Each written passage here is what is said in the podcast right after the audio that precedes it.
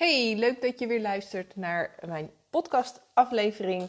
En ehm, ik probeer in deze podcast zoveel mogelijk vragen of onduidelijkheden te beantwoorden die ik veel van mijn klanten of ehm, andere vrouwen krijg die ik spreek. Uh, onder andere via Instagram, maar ook gewoon uh, natuurlijk af en toe live.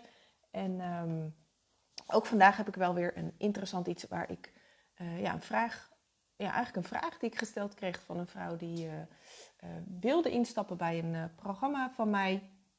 En um, die had het erover van ja, maar ik, ik menstrueer, dus dan ben ik toch gewoon vruchtbaar. En dat is wel een interessante, vond ik. Want ik denk dat heel veel vrouwen um, van mening zijn of denken dat dat inderdaad zo is. Um, dus daar ga ik vandaag wat meer verdieping in brengen. En gaan we samen eens even naar kijken. Want uh, het is namelijk niet altijd zo dat je menstruatie ook automatisch betekent dat je vruchtbaar bent. Uh, veel vrouwen denken dit dus.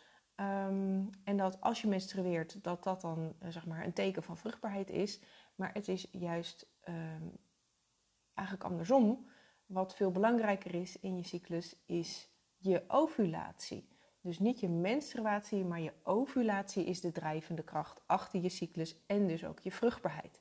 En in deze aflevering um, ja, deel ik dus met je hoe het allemaal precies zit, waar je aan kunt merken of je wel of niet uh, een vruchtbare cyclus hebt en um, ja, hoe je daar gewoon voor jezelf meer inzicht in kan krijgen.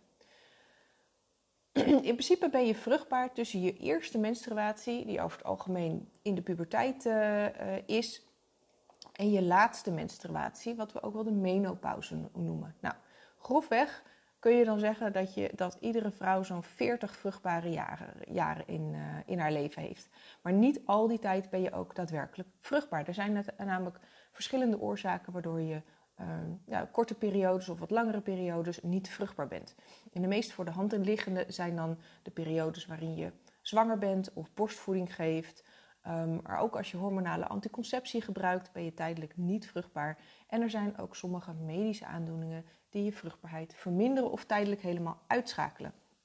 Nou, ik richt me nu vandaag even vooral op de situatie dat, het, um, ja, dat, dit niet aan de orde is en dat er dus eigenlijk geen aanwijsbare redenen van verminderde vruchtbaarheid is.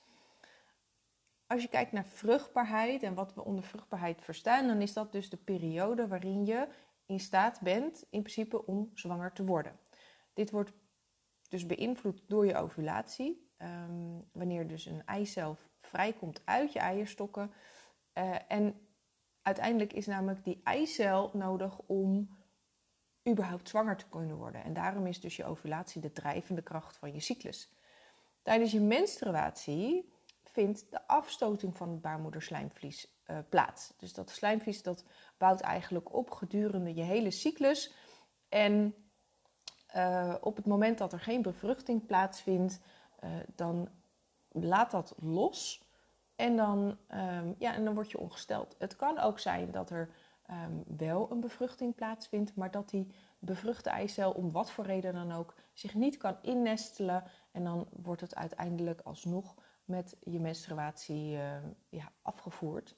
Um, vaak zie je dan ook dat, hè, dat is, het kan dus best wel zijn dat je uh, al best wel eens een, uh, ja, in dat opzicht een bevruchte eicel hebt gehad, maar dat je dat helemaal niet hebt gemerkt, omdat die uh, dus gewoon via je menstruatie um, is afgevloeid, omdat hij niet heeft in kunnen nestelen.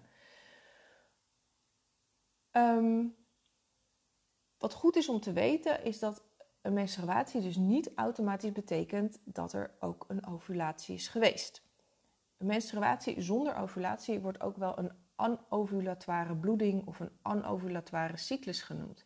En dat betekent dus eigenlijk niks meer of niks minder dan dat er in die cyclus geen uh, ijsprong is geweest. En dat baarmoederslijmvlies wordt dus wel gewoon opgebouwd, zoals dat eigenlijk iedere cyclus gebeurt onder invloed van met name oestrogeen. Uh, maar er is dus geen ijsprong, waardoor het uiteindelijk uh, toch dat baarmoederslijmvlies wordt afgestoten. Iedere vrouw heeft wel eens of een, een paar keer in, haar, in die 40 vruchtbare jaren een anovulatoire cyclus. En als dat af en toe dus voorkomt, is dat helemaal niet zo'n ramp. Het betekent wel dat je in die bepaalde cyclus dus ook niet vruchtbaar bent. Nou, als dat af en toe gebeurt, dan is waarschijnlijk een bepaalde leefstijlfactor uh, daarvan de, de reden. Dit kan bijvoorbeeld zijn als je flink ziek bent geweest, um, als je last hebt van een hormonale disbalans die eventjes uh, ja, soort van opleeft in een bepaalde periode. Uh, veel vaker zie ik ook dat stress aanleiding is van um, ja, het niet vrijkomen van een eicel. Maar als het vaker voorkomt, dan is er dus vaak ook een wat diepere oorzaak, zoals bijvoorbeeld PCOS. Een aandoening waarbij uh, ja, die ovulatie eigenlijk heel onregelmatig is en dus ook regelmatig uitblijft. Er kan ook een structurelere hormonale disbalans zijn, dus dat wat dieper gaat of wat, uh, waar de hormonen toch wat, nog wat meer uit balans zijn. Er kan ook sprake zijn van hypothalamische amenorrheu, waarbij dus eigenlijk de signaalfunctie vanuit je brein niet goed functioneert en waardoor dus je cyclus niet goed wordt aangestuurd. Uh, het kan ook een verstopte eileider zijn, ovariumdysfunctie, endometriose of een chronisch verhoogd prolactinegehalte, waar vaak ook weer een andere medische uh, oorzaak achter zit. Nou, een aantal van dit soort, deze oorzaken zijn dus medisch. En hoewel die ook wel te ondersteunen zijn door middel van leefstijlinterventies, is hier vaak wel veel meer support nodig dan, uh, dan in de ja, de meer of de minder zware disbalansen of uh, dus die medische aandoeningen.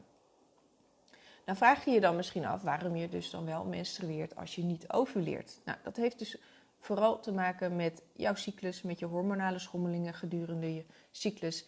En normaal maak je na je ijsprong het hormoon progesteron aan. Dit zorgt ervoor dat de bekleding van die baarmoeder, die in de eerste helft van je cyclus um, is, dikker is geworden, dat hij dat nog wat, wat voller wordt ter voorbereiding op een mogelijke zwangerschap. Nou, en als er dan geen bevruchting plaatsvindt, dan dalen die progesteronspiegels weer richting het einde van je cyclus en wordt het baarmoederslijmvlies afgestoten, waardoor jij een menstruatie krijgt. Als er geen ijsprong is, zoals in een anovulatoire cyclus, dan wordt er dus geen of slechts een hele minimale hoeveelheid progesteron aangemaakt. Dus dat opbouw van dat baarmoederslijmvlies, dat vindt gewoon plaats. Uh, want oestrogeen is, er, is gewoon aanwezig in die eerste helft van je cyclus. Hierdoor heeft je baarmoeder alsnog een bepaalde periode nodig om dat opgebouwde slijmvlies af te stoten. En um, officieel is dat dus geen menstruatie als dat gebeurt. Um, maar er is dus wel een menstruatie, wat eigenlijk officieel geen menstruatie heet, maar um, dus een anovulatoire bloeding, omdat er geen ovulatie is geweest. Nou, heb je een regelmatige cyclus, dan zal ook deze uh, anovulatoire cyclus ongeveer even lang zijn als jouw gebruikelijke cyclus. En dat heeft dus te maken met al die andere hormonen die ook een rol spelen.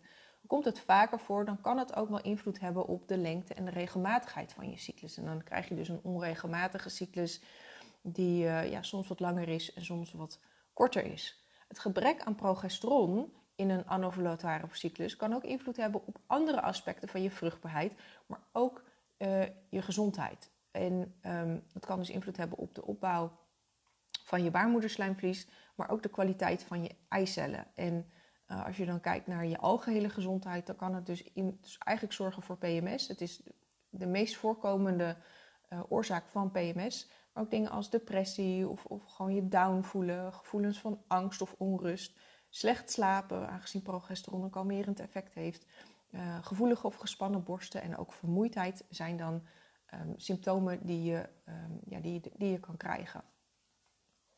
Het is dus belangrijk om te begrijpen dat ovulatie, dat die ijsprong essentieel is voor je vruchtbaarheid. Als er geen ijsprong plaatsvindt, is het niet mogelijk om zwanger te worden. Zelfs als je dus menstrueert. Daarom is het bijhouden van je ovulatie en het herkennen van jouw vruchtbare periodes in je cyclus belangrijk als je een kinderwens hebt. En de beste methode hiervoor is wat ook wel de Fertility Awareness methode wordt genoemd, waarbij je verschillende fysieke elementen monitort om zo je ovulatie te kunnen bevestigen. Um, dit zijn onder andere je temperatuur, um, het, de afscheiding, dus je baarmoeder uh, slijmvlies, ja, je baarmoeder uh, slijm.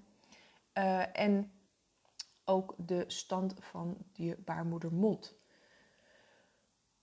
Een ovulatiekit kan een indicatie geven. Ik hoor veel vrouwen die ovulatiekits gebruiken of ovulatiestrips gebruiken. Um, maar het is geen bewijs dat je ook daadwerkelijk hebt geovuleerd. Dus het geeft wel aan dat ovulatie op handen is.